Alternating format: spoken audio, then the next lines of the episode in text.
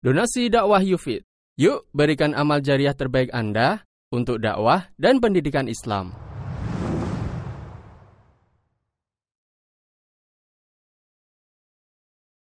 Bismillahirrahmanirrahim. Assalamualaikum warahmatullahi wabarakatuh. Alhamdulillah wassalatu wassalamu ala Rasulillah wa ala alihi wa sahbihi wa man wala amma ba'd.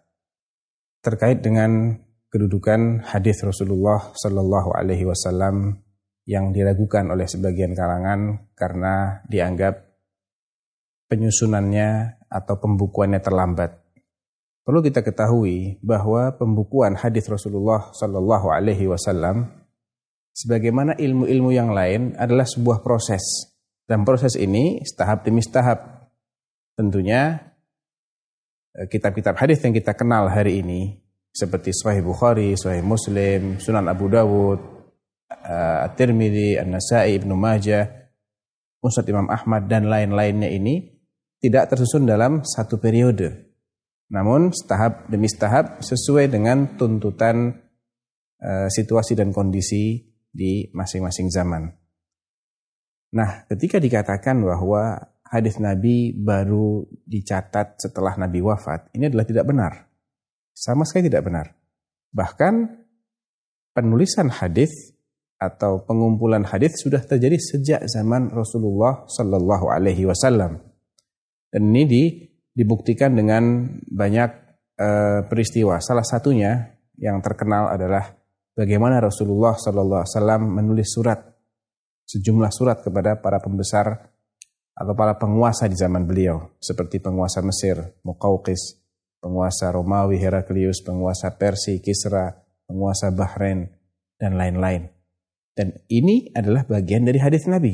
Jelas sekali bahwa beliau menulis surat dengan stempel Muhammad Rasulullah.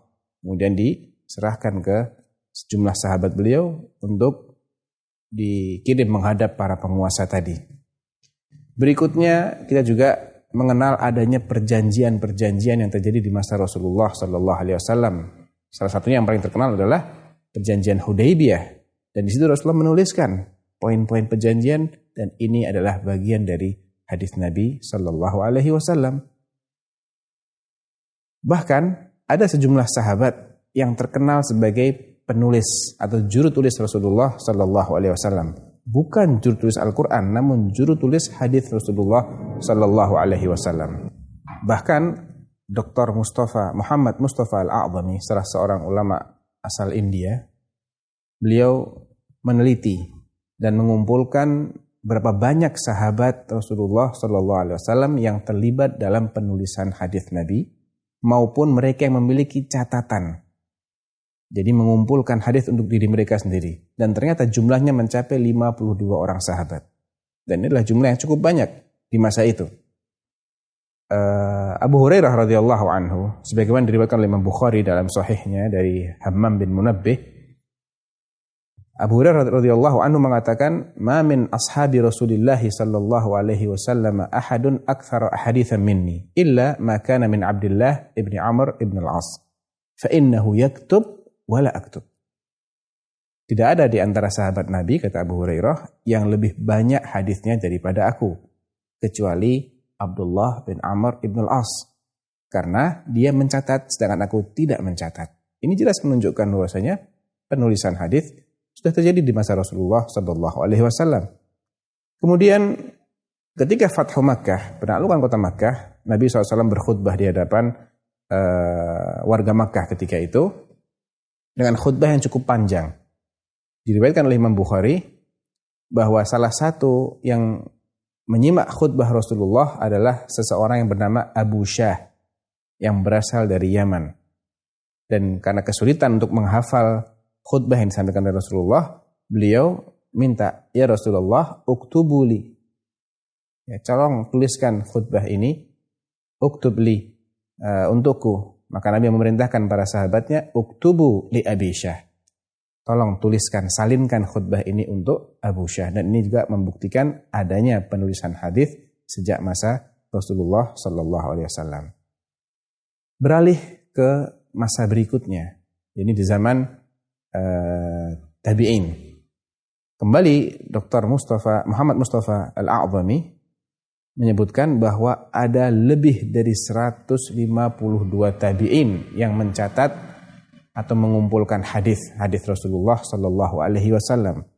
Bahkan proses pengkodifikasian hadis Nabi atau pembukuan hadis Nabi secara resmi telah dimulai sejak di akhir abad pertama Hijriyah, yakni di masa Khalifah Umar bin Abdul Aziz rahimahullah ketika beliau mengutus uh, atau menyurati Abu Bakar bin Amr bin Hazm agar uh, mengumpulkan hadis terus apa uh, sunnah-sunnah Rasulullah SAW karena beliau khawatir apabila tidak segera dibukukan maka sunnah ini akan terlupakan begitu saja.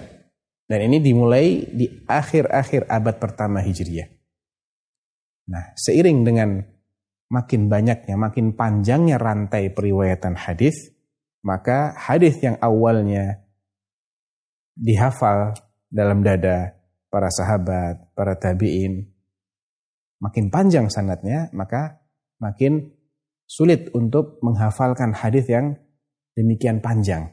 Sehingga mulailah mereka membukukan hadis. Ditambah adanya sebab kedua yang tidak ditemukan pada masa Rasulullah Shallallahu Alaihi Wasallam dan baru ditemukan di abad-abad berikutnya seperti mulai adanya orang-orang yang berdusta atas nama Rasulullah Shallallahu Alaihi Wasallam demi memperjuangkan madhab mereka atau pemikiran mereka atau bid'ah mereka. Munculnya orang-orang khawarij orang-orang rafidah orang-orang Mu'tazilah yang masing-masing ingin mempromosikan pemikirannya dengan mengatasnamakan hadis Nabi Shallallahu Alaihi Wasallam. Oleh karena itu, mulailah para ulama semakin giat dalam membukukan hadis Nabi Shallallahu Alaihi Wasallam. Tercatat di masa uh, abad pertengahan abad ke-2 Hijriah, ada sejumlah ulama yang memiliki sahaif atau kumpulan-kumpulan hadis seperti Sahifah Hammam Ibnu Munabbih. Kemudian ada juga uh, musnadnya Ibnu Jurayj atau jami'nya Ats-Tsauri dan mereka hidup di abad kedua Hijriah di pertengahan. Ada juga Al-Imam Abdurrahman bin Amr Al-Auza'i yang hidup di negeri Syam. Di Basra ada Imam Hasan Al-Basri. Dan di masing-masing kota tokoh ahli hadis setempat mengumpulkan hadis-hadis yang selama ini masih uh, tersebar di hafalan para ahlinya. Adapun jika yang dimaksud adalah kitab-kitab hadis yang kita kenal sekarang, maka walaupun itu disusun, disusun pada abad ketiga hijriyah rata-rata ya, Sahih Bukhari, Sahih Muslim, Al-Kutubus Sittah, kitab yang enam disusun pada abad ketiga hijriyah, akan tetapi asal usul dari hadis ini telah ada pada abad-abad sebelumnya ya seperti sahifahnya Hammam bin Munabbih, kemudian uh, kitab Muwatta Imam Malik, kitab Jami'nya Sufyan Ats-Tsauri, kemudian kitabnya Ibnu Jurayj dan lain-lain. Karena hadisnya adalah salinan, sebagian besar adalah salinan dari eh, literatur-literatur uh, yang pernah ada sebelumnya. Dan penyebab terpenting pembukuan hadis Nabi ini adalah untuk memurnikan hadis. Ya, yang sebelumnya tidak banyak yang berbohong atas nama Rasulullah SAW yang kemudian uh, mulai adanya orang-orang yang berdusta memperjuangkan atau membela kebatilannya dengan mengatasnamakan hadis Nabi Shallallahu Alaihi Wasallam. Jadi sekali lagi dari sisi ini adalah tidak benar ketika dikatakan bahwa hadis Nabi baru ditulis setelah wafatnya Rasulullah Shallallahu Alaihi Wasallam. Adapun kenapa kita harus mengikuti hadis Nabi dan tidak cukup hanya dengan mengikuti Al-Quran, karena Allah Subhanahu Wa Taala berfirman dalam Al-Quran, wa anzalna ilaika dzikra litubayyana lin-nasi ma nuzzila ilaihim. Ya, kami telah turunkan kepada kalian kepadamu wahai Muhammad adzikra agar dengan adzikra ini engkau jelaskan kepada umat manusia tentang Al-Quran. Dan adzikra di sini bukan Al-Quran. Karena adzikra fungsinya untuk menjelaskan Al-Quran. Berarti yang dimaksud adalah sunnah Rasulullah Sallallahu Alaihi Wasallam. Nah di surat Al-Hijr Allah mengatakan Inna nahnu nazzalna dzikra wa inna lahu lahafidhun. Sesungguhnya kamilah yang telah menurunkan adzikr dan kami yang pasti akan menjaganya. Dan adzikr di sini meliputi Al-Quran sekaligus yang mensyarah Al-Quran yakni sunnah Rasulullah Shallallahu Alaihi Wasallam karena tidak mungkin Al-Quran itu terjaga kecuali jika pemahaman terhadap Al-Quran, aplikasi terhadap Al-Quran, petunjuk pelaksanaan terhadap Al-Quran juga dijaga oleh Allah Subhanahu Wa Taala. Dan itulah yang dimaksud dengan sunnah Rasulullah Shallallahu Alaihi Wasallam. Dari sisi yang lain, eh, mereka yang mengatakan tidak perlu mengikuti sunnah karena di dalam dalam hadis Nabi ada yang dhaif, ada yang palsu ya. Alasan mereka ini sangat tidak masuk akal. Karena apa? Karena kita mengikuti sunnah Rasulullah tidak sembarangan. Yang kita ikuti adalah sesuatu yang valid dari Rasulullah Shallallahu Alaihi Wasallam. Bukan semua yang dinisbatkan kepada Rasulullah lantas menjadi hadisnya Rasulullah yang wajib kita ikuti. Tidak demikian. Dan ini semua telah ditangani oleh oleh ahlinya. Ya, ahli hadis sengaja Allah munculkan ke tengah-tengah kaum muslimin dalam rangka memurnikan hadis Rasulullah Sallallahu Alaihi Wasallam.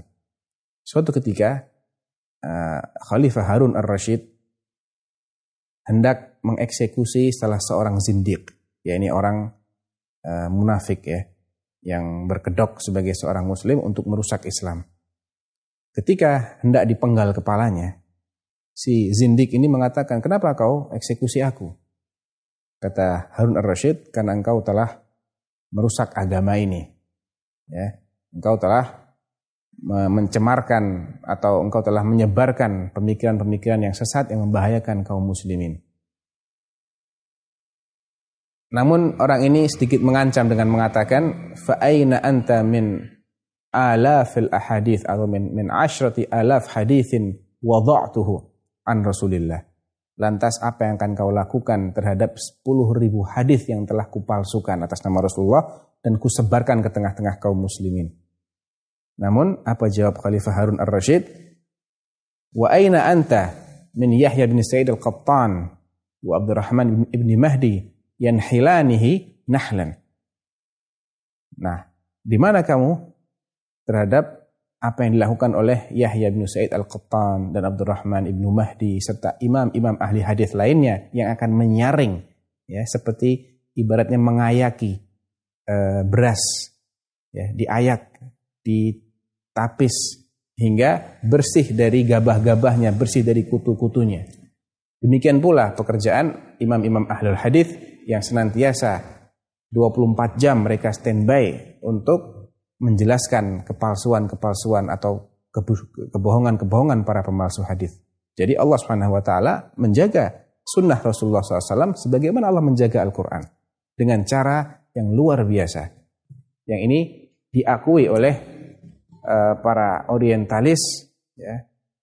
Kalau mereka benar-benar objektif dalam mempelajari hadis, mereka akan mengakui bahwasanya ilmu hadis adalah ilmu yang luar biasa yang dengannya Allah Subhanahu wa taala menjaga keotentikan hadis Rasulullah Shallallahu alaihi wasallam. Bahkan salah seorang ulama mengatakan kalau ada seseorang yang sengaja berdusta atas nama Rasulullah SAW di siang di pagi hari, maka tidak akan mencapai malam hari kecuali kedustaannya telah terbongkar oleh para ulama. Demikian ini adalah jawaban daripada syubhat yang beredar. Yang jelas dari sini bahwasanya sunnah adalah hujah dalam agama sebagaimana Al-Quran dan sebagaimana Allah menjaga Al-Quran, Allah juga menjaga sunnah Rasulullah Sallallahu Alaihi Wasallam. Wallahu taala alam. Donasi dakwah Yufid. Yuk berikan amal jariah terbaik Anda untuk dakwah dan pendidikan Islam.